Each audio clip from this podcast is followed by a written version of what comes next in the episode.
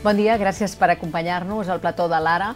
Uh, som amb Salvador Illa, primer secretari del Partit dels Socialistes de Catalunya, i també amb el cap de l'oposició. Senyor Illa, bon dia. Què tal? Molt bon dia. Gràcies per, per acompanyar-nos, per ser amb nosaltres. Un plaer. Uh, vostè ha estat ministre de Sanitat. Això del Covid uh, ho ha pogut surfejar? De moment sí. Eh, afortunadament. No? Seguim les indicacions de les autoritats sanitàries i, en fi, complint les, les, les normes de sempre, no? El, la mascareta, la distància interpersonal, eh, la neteja freqüent de, de, de, les, man, de les mans, no? i de moment, afortunadament, doncs no, no, he, no he contret el Covid. A les portes de tornar a l'escola, etc., anem cap a una situació d'immunitat majoritària amb una variant menys agressiva? Això sembla que diuen els experts, no? però aquí el camí és, eh, per mi està acabat, és el camí de la vacunació. No? I en aquest sentit aprofito per fer una crida a, a la ciutadania mm, que encara no ho hagi fet, doncs, que es vacuni i que s'administri la tercera dosi. No? Això és el, el camí, eh, el camí que s'ha de seguir. No? Vacunació a casa nostra, i vacunació arreu del món, no? i per tant també eh, hi ha una responsabilitat dels països de subministrar vacunes a, als països que fins ara tenen uns índexs de vacunació més baixos perquè no han tingut accés a, a, les, a les dosis necessàries, no? perquè és una pandèmia mundial i, per tant, si no arribem a uns ratis de vacunació i d'immunitat, per tant, pues, a tot el món, hi ha el risc de noves variants. És veritat que va darrere, va Omicron, sembla que comença a haver-hi estudis, s'ha de dir això sempre amb molta prudència, que indiquen que és una variant més contagiosa, però mm, amb uns índexs d'afectació i de gravetat per a aquelles persones que ho contreuen menors. No? En qualsevol cas, ara estem en una, en una onada, en una sisena onada, i per tant s'ha de fer també una crida a a la prudència, eh, tota la població a seguir les eh, recomanacions i les disposicions de les autoritats sanitàries i, en fi, i a, i a, i a, passar el més aviat possible aquesta onada. No? Vostè ja ha fet referència ara de, de passada. Com es pot concretar aquest moviment de solidaritat amb els països que no estan vacunats des dels països en els quals estem ja amb una tercera, amb una quarta o fins i tot amb una cinquena dosi, quan a la resta de, del món hi ha molts països en els quals, evidentment, no s'està podent vacunar? A través dels mecanismes eh, establerts, no? Espanya ha fet una contribució, una condició molt important de, de dosis de vacuna a tercers països. Hi ha el, el mecanisme COVAX, no? que participem també des d'Espanya i participa la Unió Europea, jo crec que ha d'haver-hi un esforç d'incrementar la posada a disposició eh, de dosis i de vacunes en aquests països. No? COVAX de és, moment no s'està complint. No s'estan complint, és veritat, els objectius que s'havien marcats, però és un mecanisme que jo crec que hem de seguir per, eh, per poder posar a disposició d'aquests països les vacunes necessàries. Jo crec que és molt important que advoquem i treballem per un esforç de solidaritat en aquesta matèria. No? Fa una setmana el van veure dirigir-se als catalans en un discurs de cap d'any, eh, com el que acostumen a fer els presidents de la Generalitat. Eh, a què respon aquesta estratègia? No, em va semblar que era oportú eh, llançar un missatge a la ciutadania de, de Catalunya fent un, un balanç de com havia anat l'any, marcant també alguns propòsits de cara, de cara a l'any vinent i sobretot fent una crida a la serenor, no? a la serenitat. No? Jo crec que estem afrontant problemes mm, complexes de fons, hi ha canvis molt de fons, no només a Catalunya i a Espanya, ni tan sols a Europa, sinó a tot Occident, a tot el món, si vostè vol, no? En matèria d'energia, en matèria d'una transformació energètica i per tant industrial, en matèria de relacions laborals, mm, estem en un procés d'acabar de, de combatre la Covid, vostè en parlava fa un momentet, no? hi ha una transformació econòmica, problemes molt de fons que requereixen un clima de serenor, de reflexió, més que d'immediatesa, no? i de cerca d'acords. No? I és el propòsit mm, principal que jo volia traslladar a la ciutadania de Catalunya. No? Per què el PSC es pot entendre amb els independentistes per, desblo per desbloquejar alguns organismes com la corporació o el, CAP i en, el CAC i en canvi no ho pot fer amb el tema de pressupostos? No crec que sigui imputable al PSC. Nosaltres hem tingut sempre una actitud eh, de mà estesa. No? Miri, eh, jo crec que el millor servei que pot fer en aquest moment el PSC a Catalunya i a Espanya és el de construir una alternativa a un govern que, dit sigui amb tot el respecte, creiem que no funciona, que no està a l'alçada del que eh, la societat catalana necessita. No? Crec que els primers sis mesos d'aquest govern mm, han posat de manifest la seva fragilitat i la manca d'un d'una agenda ambiciosa, que jo crec que és el que necessita Catalunya. Per tant, estem construint una alternativa, per això hem fet un govern alternatiu de Catalunya, per això intentem fer propostes que marquin una manera diferent, que expliquin a la societat catalana que, des del nostre punt de vista, hi ha una manera diferent, un camí diferent al que s'està seguint a Catalunya. Ara, això no ens impedeix estendre la mà i arribar a acords en matèria de renovació de 112 càrrecs que estaven pendents de renovació Parlament de Catalunya. Començat per aquells més rellevants, eh, si vostè vol, la Sindicatura de Greuges, el Consell de Govern de la Corporació Catalana de Mitjans Audiovisuals, el Consell de Garanties Estatutàries, la Sindicatura de Comptes, en fi, ens vam donar a conèixer, no? Per tant, allò que depèn de nosaltres i hem posat el que tocava per fer aquesta renovació i en matèria de pressupost vam estendre la mà i van ser d'altres que legítimament, cal dir-ho, van creure oportú que no era necessari parlar amb el primer partit de, del Parlament de Catalunya. Jo crec que va ser un error, perquè penso que hagués sigut millor per Catalunya tenir uns pressupostos d'ampli suport parlamentari, fets i fins i tot acordats per per formacions polítiques que tenim, eh, en fi, eh, maneres molt diferents de veure les coses, però que jo crec que haguéssim pogut fer l'esforç almenys d'intentar arribar a aquest acord i també vi dic, si s'haguessin acordat nosaltres, crec que haguessin sigut pressupostos un punt més ambiciosos. No? Aquesta renovació de càrrecs, que almenys tant al CAC com a la corporació, eh, s'ha fet amb persones que tenen vincles amb els partits polítics. La meva pregunta és si vostè entén que algú pugui parlar de repartiment de cadires. Mm, tot el respecte per les persones que opinin això, doncs, si no s'arriba a un acord, es critica que no s'arribi a un acord, si s'arriba a un acord, es critica perquè s'arriba a un acord.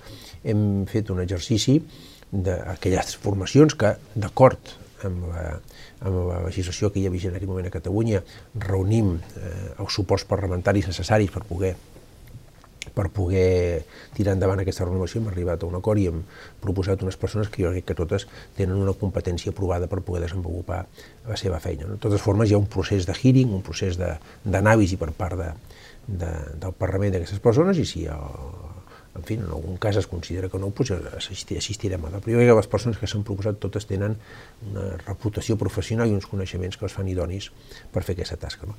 Vull significar també que en el cas de la Corporació Catalana de Mitjans Audiovisuals no només hi ha un acord sobre les persones que proposarem perquè desenvolupin aquesta feina, sinó que hi ha un acord sobre què s'ha de fer. I això és un tema especialment rellevant. No? Hi ha un acord, una, una anexa amb uns punts acordats sobre treballar per la sostenibilitat econòmica de la corporació, per eh, que sigui una, una corporació que més tecnològicament torni a tenir empenta i pugui anar a l'avantguarda, en fi, eh, perquè hi hagi també una pluralitat d'opinions que es pugui ser escoltada, per tant em sembla molt rellevant no només que hi ha un acord de persones que han proposat, sinó també de continguts o, o de què s'ha de fer en, eh, en la Corporació Catalana de Mitjans Audiovisuals. No? Vostè parlava fa un moment de, de guanyar serenitat en l'opinió pública, en l'àmbit públic. Uh, S'ha reunit vostè amb Oriol Junqueras o amb Carles Puigdemont, uh, no són els seus interlocutors naturals en aquest moment? Els meus interlocutors naturals són els presidents de grups parlamentaris, els responsables de les diferents formacions polítiques, jo m'he reunit amb tothom qui ha volgut eh, tenir interlocució amb mi amb el PSC, no? i amb això també m'ha de permetre que tingui un... M'agrada tenir un punt de, de discreció, perquè penso que també ha, ha d'haver un àmbit de discreció en la política, no? però tothom que s'ha volgut reunir amb el PSC i amb mi en particular ho ha pogut fer. Vol dir que es, poden, es veuen més del que nosaltres sabem i del que, l'opinió pública tem? Hi ha d'haver-hi sempre espais de diàleg i jo crec que això, eh, en fi, miri, quan un té un cert convenciment sobre les posicions polítiques que defensa, com és el meu cas i el cas de la meva formació política, no tinc inconvenient en contrastar-les ni en confrontar-les amb els que en tenen de diferents, no? I del diàleg sempre surt un enriquiment personal i polític, no? i els sistemes democràtics estan pensats per afavorir acords eh, i no es pot arribar a acords si no hi ha diàleg. No? Hi ha diàleg que ha de ser públic, i hi ha també espais de, de, de conversa doncs, més discrets com es produeix a tots els àmbits professionals eh, a la vida. No? I per sèrie que parlem de diàleg, eh, la gran recança que jo tinc aquest 2021 i el que m'agradaria que es corregís el 2022 és que s'obrís un diàleg Catalunya endins, no? un diàleg entre catalans. No? Aquí Eh, en fi, vam, en, en ocasió de la investidura del president Pedro Sánchez, divendres en, en farà dos anys, no?, d'aquesta investidura, eh, doncs vam establir una negociació amb Esquerra Republicana. Jo formava part de l'equip negociador en nom del PSC i vam arribar a un acord d'obrir un procés de diàleg eh, amb tres potes. No? Una pota que era eh, eh, la comissió bilateral prevista a la legislació vigent, que ja s'ha estat reunint, una segona pota que era nova, era la taula de governs, govern d'Espanya i govern de Catalunya, que també s'ha posat en marxa, i una tercera pota que ja funcionava en aquell moment era la taula de partits catalans, que havia convocat eh, el senyor Torra eh, arran d'una proposta parlamentària del PSC, no, que es va acordar també que seguiria vigent i que s'enfortiria. No? Aquesta tercera pota eh, no s'ha posat en marxa. I jo crec que és un error. Crec que no podrem resoldre les coses a Catalunya si no dialoguem entre catalans, perquè el problema el tenim entre catalans, prioritàriament. No? I no entenc, francament, que aquells que fan bandera del diàleg es neguin a practicar-lo a Catalunya i m'agradaria que això es corregís aquest 2022. La taula de diàleg, eh, quan es reunirà i quins són els temes que hi ha sobre la taula? La impressió des de l'opinió pública és que no hi ha eh, fruits de moment. Hi ha molta gent que està interessada, en, o gent que està interessada en que això no funcioni, i diuen que, en fi, eh, miri, eh, s'ha reunit, eh, hi ha hagut un acord en la metodologia, un acord molt rellevant no posar límits temporals eh, al diàleg, per tant, en, en seure's i en raonar, i va haver-hi també un acord metodològic molt important en tenir un espai discret de treball previ abans que es tornés a convocar una nova sessió. No? Quan es convocarà això no em correspon dir-ho a mi. No hi ha que tingui informació de com evolucionen les coses, però vull ser molt curós, això no em correspon dir-ho a mi, correspon anunciar-ho als qui protagonitzen aquest diàleg que són eh, els dos governs, el govern d'Espanya i el govern de Catalunya. A mi el que em correspon és demanar que es compleixi l'acord que vam arribar. I la tercera pota, que és la de diàleg entre partits a Catalunya, on el PSC eh, hi hauria de ser-hi, i seria doncs, es posi en marxa el més aviat possible, no? perquè necessitem les tres potes, si no crec que és un diàleg eh, incomplert. No? El president de la Generalitat, el senyor Aragonès, el, el dia de, de Sant Esteve, deia que, que no s'hi valia la resignació ni renunciar a, a determinats objectius a, eh, del sobiranisme. Um, i parlava de construir alternatives si no tenia èxit aquesta taula de diàleg. Mm, no entenc molt bé eh, jo penso que si un s'asseu a dialogar, el que ha de fer és posar tota l'energia, tot l'èmfasi en que funcioni el diàleg, no? i no plantejar ja escenaris de que això no funcionarà. No? Hi, ha, hi ha algun camí diferent al d'entendre'ns? Hi ha algun camí, pregunto, diferent, el que no sigui el de l'entesa? Eh, si és, quin? Algun que s'ha provat i hem vist que no ha portat a res de bo per Catalunya. Aquests darrers 10 anys bons per Catalunya no han sigut ni a nivell econòmic, ni a nivell de prestigi institucional, ni a nivell de convivència. Algú suggereix tornar aquí? Crec que és un error, no? Eh, el camí que hem après i que, des del meu punt de vista, les lliçons que se'n deriven de la pandèmia reforçat és el de vincular-nos més amb Espanya i amb Europa, anar junts, respectar-nos, i per això és imprescindible que hi hagi un procés de diàleg, no? complet, amb les tres potes, comissió bilateral, governs i partits a Catalunya. I aquesta la pota del diàleg entre catalans, que pensem diferent, que hi ha posicions diferents, que hi ha maneres de veure les coses diferents, també és important que s'obri, jo crec que s'ho hauria de fer el senyor, el senyor, el senyor Aragonès. Només que plantejar-se en plans B hauria d'anar al Pavanar i treballar fons amb el Pavanar, que és el del diàleg, també entre catalans, i hi tocaria amb ell conduir-lo, convocar-lo i liderar-lo. No? Després de, dels indults, el procés sobiranista per, pels eh, socialistes és una carpeta aparcada? Eh, i a mi em sembla que per la societat catalana eh, tot el que ha significat el procés és una, és una, és una carpeta que s'està girant full. No? A mi em sembla la percepció que jo tinc. Ho dic amb tot el respecte. Hi ha gent a Catalunya que segueix pensant i tenen tot el dret de fer-ho i tota l'empara per poder-lo defensar políticament, que la independència és el camí, a mi em sembla que aquestes postures cada vegada tenen menys suport a la societat catalana i que el que hem après arran de la pandèmia és que el que convé és eh, treballar junts, eh, posar en, en, desenvolupar i posar en, en, en marxa fórmules o aprofundir en fórmules de cogovernança, de respecte mutu, a nivell espanyol i a nivell europeu. Eh? Jo crec que és el camí. No? Per això nosaltres hem senyalat, si m'ho permet, quatre prioritats, no? el nostre, diguem-ne, camí diferent que ensenyem a la societat catalana, el nostre govern alternatiu. No? La primera, va de generar prosperitat per tothom. És dir, reactivació de l'economia, generant prosperitat inclusiva per tothom, sense deixar ningú darrere. No? Crec que és molt important amb els canvis que, està, que estem assistint, de transformacions eh, energètiques, industrials, de marc de relacions laborals, de canvis molt profuns en el sector de l'automoció, el sector del turisme, el sector de la mobilitat, no? estar atents i eh, no perdre el tren i generar, ser capaços de posar les bases en una societat tan creativa i tan activa com la catalana per generar prosperitat per tothom i que el govern ho lideri i no ho entorpeixi. El segon eix seria eh, una millora de l'autogovern. Eh, Catalunya té uns nivells d'autogovern molt importants, però jo crec que hi ha espai per la millora, per això nosaltres, en el darrer congrés extraordinari que hem fet com a partit, hem creat una viceprimera secretaria específica de millora de l'autogovern, que havíem confiat a Meritxell Batet, i una secretaria específica també d'aquest àmbit, que hem confiat en el Ferran Pedrer, no? per treballar sobre com millorar el nostre govern. No? I un tercer àmbit molt rellevant, i del que en parlem massa poc, i en fi, eh, tinc una posició molt crítica sobre com ho està abordant eh, el govern aragonès, és el finançament. No? Nosaltres volem un finançament just per Catalunya. Aquest és un debat molt complex, hem d'enganyar-nos, però molt necessari. No? A Espanya hi ha un model de finançament per a les comunitats autònomes de règim comú que va caducar el 2014 i hi ha, hi ha comunitats autònomes, per exemple, valenciana, eh, n'he parlat molt amb el president Puig, molt activa en la defensa de la renovació d'aquest sistema de finançament i en defensar els interessos de la seva comunitat. Nosaltres també aquí eh, treballarem en fer propostes en aquest sentit i en què Catalunya estigui present per tenir un finançament just. És dir, més recursos.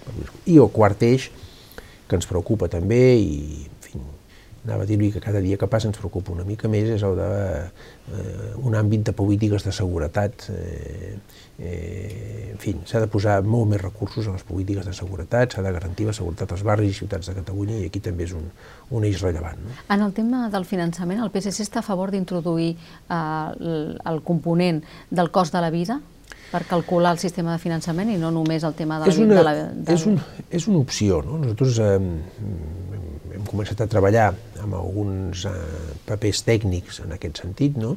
però miri, el primer que demanem és ser-hi presents.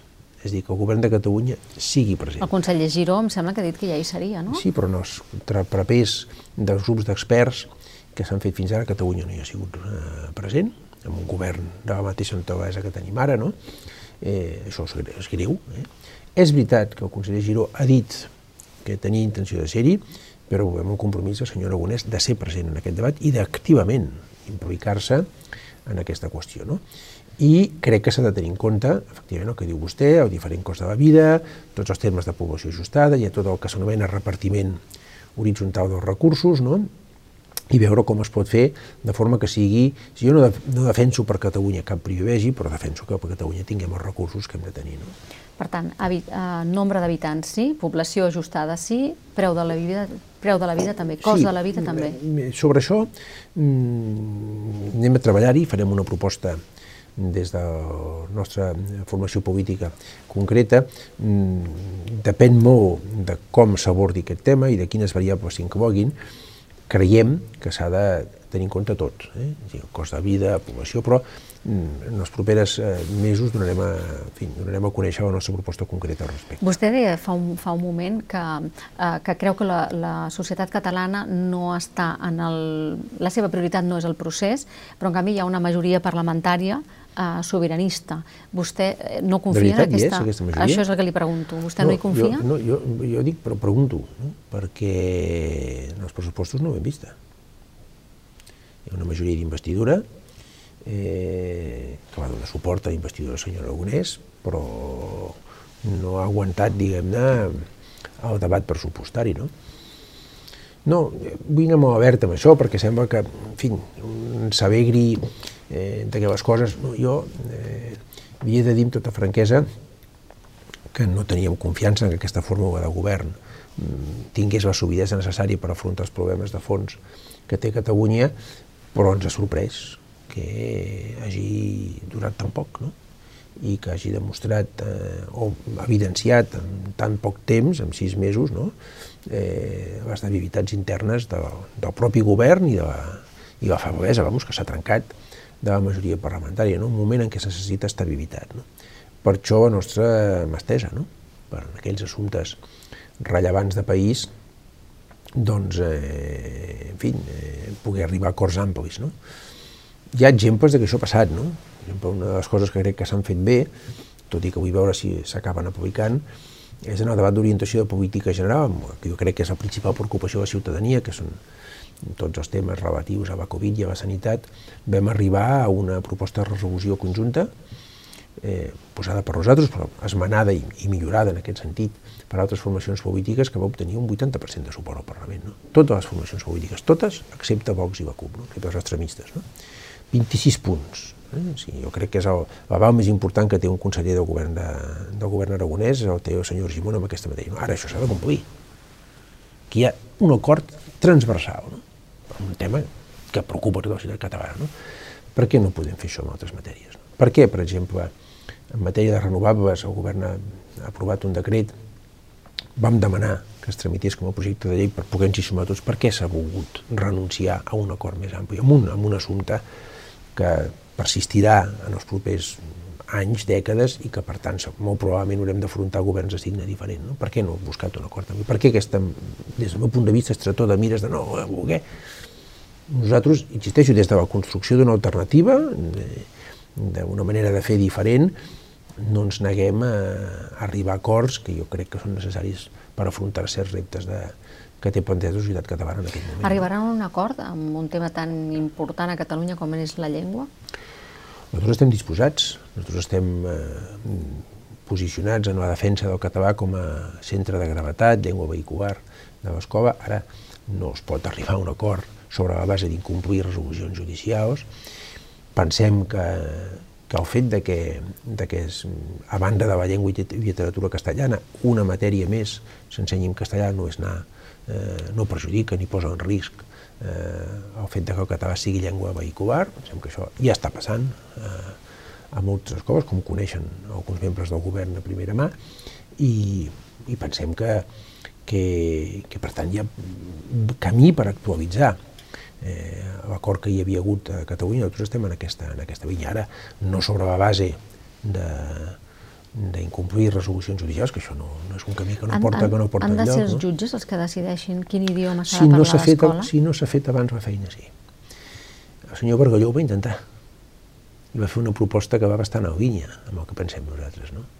i alguns ho van voler boicotejar perquè hi ha persones que pensen que Catalunya, i tenen dret de defensar-ho, però no és el punt de consens, que mm, entenen, des del meu punt de vista, equivocadament, que defensar el català vol dir que el castellà i que ha d'haver-hi monolingüisme eh, de català a l'escola. Jo no estic d'acord amb aquest model. Jo estic estic d'acord que el català sigui centre de gravetat, sigui llengua vehicular, però estic d'acord que també s'hagi de garantir una presència del castellà i no passa res perquè a banda de la signatura de llengua i literatura castellana s'hi eh, ensenyi una assignatura més. Alguns voldrien reduir el castellà a llengua estrangera, jo no crec que el castellà sigui una llengua estrangera a Catalunya.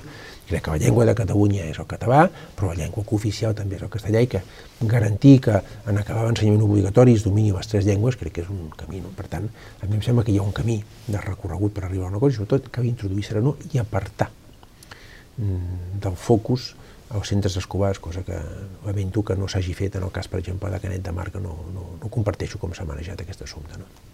Si s'ha d'actualitzar el, el tema lingüístic, s'ha d'introduir una altra llengua, com el- l'anglès? Idealment sí.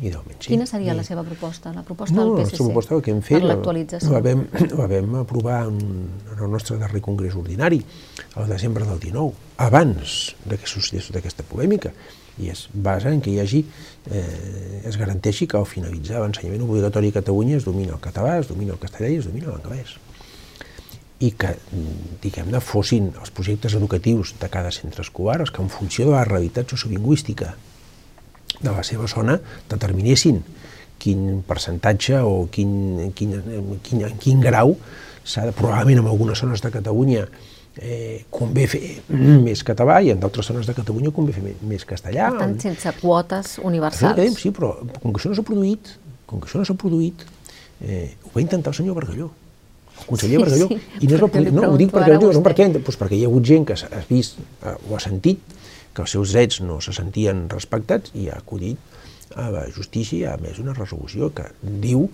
que, a banda de la llengua i literatura castellanes, una altra matèria s'ha de donar en castellà. Això ara és un peu forçat i hem de respectar-ho. Per tant, el consens a base d'incomplir això no.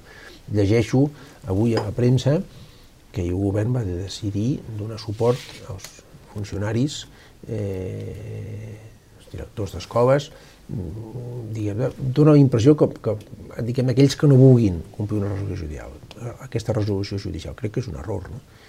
I jo m'agradaria que el govern donés suport a tots els funcionaris, també els Mossos d'Esquadra, que fent la seva feina se'ls retira 48 hores d'iniciar un judici el suport jurídic, no? amb, una, amb, una, amb una mesura que jo qualifico de molt greu, no? d'un abans i un després. No? I en canvi ara, per anar contra una resolució judicial, ho he, si ho he interpretat bé, es dona suport. No, no crec que sigui un plantejament coherent ni, ni que estigui a l'alçada de la serietat que ha de tenir un govern. Per tant, les quotes sí per, per complir les no, resolucions les judicials. Sí, no, no, les això? sí no, les quotes sí no. Una, eh, a banda de la llengua i literatura castellana, una matèria més en castellà, sí. I compliment de les resolucions judicials, sempre. Uh, qui participarà a les jornades que tenen previstes celebrar abans de la reunió del Pacte Nacional per la Llengua? O sigui, qui és la nova Marta Mata I del estem, PSC? No, hi, hi ha... O existeix? Hi ha, hi ha, eh, no, hi ha eh, diverses persones que són molt expertes en, en, en aquesta matèria, que volem escoltar, estem treballant-hi. Avui mateix he tingut una, primera reunió de treball abans de, de venir a fer aquesta entrevista amb vostès, amb, amb Esther Niubó, que és la persona que coordina aquests temes tant al govern alternatiu de Catalunya com a l'executiva de, del PSC, i està treballant en una proposta. Nosaltres volem fer unes jornades serenes, de reflexió. No ens interessa ni el titular, ni són unes jornades per revisar la nostra posició política, que està fixada en, congressualment. Són unes jornades per escoltar, per valorar, per analitzar i per intentar afavorir l'acord. No? Aquí, és on està el PSC. No busquin en el nostre espai polític, ni en mi, ni en cap dels representants de, del PSC, eh, una contribució a declaracions gruixudes, ni a esgavalls, ni a... No, eh? creiem que és un camí equivocat creiem que és el pitjor, la pitjor manera de defensar el català. Per tant, ho intentarem enfocar d'una manera molt serena, convidant tothom qui vulgui ser-hi per poder analitzar i buscar punts d'acord. No punts de divisió, punts d'acord, eh? per refer un consens que ja hi hem tingut a Catalunya i que és, creiem que és imprescindible per, per l'enfortiment i la defensa del català, que és el nostre objectiu. Un dels temes uh, pendents és la situació dels líders independentistes a l'exili. Uh, la situació judicial no és gaire bona, òbviament no és bona per ells, però tampoc és bona per l'estat espanyol, que, que no li estan sortint bé els recursos uh, habituals. En aquest cas també caldria uh, alguna serenitat per, a, per afrontar això i arribar a un acord? Primer que cal, serenitat sempre, però el primer que cal des del meu punt de vista és que tothom faci front a les eh, responsabilitats que va contreure a les seves responsabilitats de govern. Per tant, jo penso que, en fi, mm, algunes de les persones que van prendre algunes decisions que van comportar, van tenir conseqüències judicials, les han afrontat. No? Alguns dels que eren fora han tornat, no? I, en fi, eh, Meritxell Serret, per exemple, ha tornat. No? Per tant, jo crec que el primer que voldria dir, amb tot el respecte, i en fi, no, no vull eh, ferir cap sensibilitat, però des de la meva manera d'entendre les coses, una ha de fer front a les responsabilitats que va contraure i les conseqüències de les decisions que va prendre i això es fa, diguem-ne, fent front a aquelles conseqüències que això té. No? Això és el que jo penso, i ho dic, insisteixo, no vull ferir cap sensibilitat, però vull ser clar amb aquest tema. No? I a partir d'aquí, escolti'm, les resolucions eh, judicials s'han de respectar totes, agradin o no agradin. I per tant, és per decisió que no sé moment va prendre el govern d'Espanya de vincular el seu marc jurídic al marc jurídic europeu, que estem obligats a complir les resolucions que prenguin els diferents organismes eh, europeus competents. I quan les prenguin, les haurem d'acceptar i acatar. I, i, i, I això és el que ha defensat sempre la meva formació política i veurem quin recorregut tenen i jo sobre això no vull fer cap especulació. Només hi puc dir una, una, un fet cert, que nosaltres les respectarem i les acatarem totes les que ens agradaven més i les que ens agraden menys, com hem fet sempre. No? I treballarem, com hem vingut fent, per distendir les coses, per eh, afavorir climes d'acord, per unir la societat catalana, no per dividir-la, i creiem que el punt d'unió no està en plantejaments independentistes que respectem però no compartim, sinó que està en el que havia dit, millor finançament, finançament just, perdó, millor autogovern, prosperitat per tothom i polítiques i polítiques de seguretat. No? Senyor Illa, què li sembla el possible retorn del rei Joan Carles I a Espanya?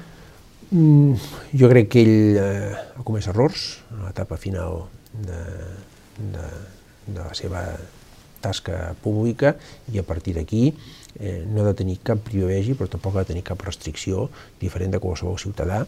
Eh, ell ara ja no, no és el cap de l'Estat, mm, crec que el cap de l'Estat actual eh, està fent la seva feina amb, amb, amb rigor, amb professionalitat i atenent-se al paper que li correspon, constitucionalment desenvolupar i ell, eh, el rei emèrit, no ha de tenir ni cap privilegi ni cap perjudici per, per ser qui és i ha de fer, en base a les responsabilitats a les que també ha de fer front ell, eh, eh, doncs actuar.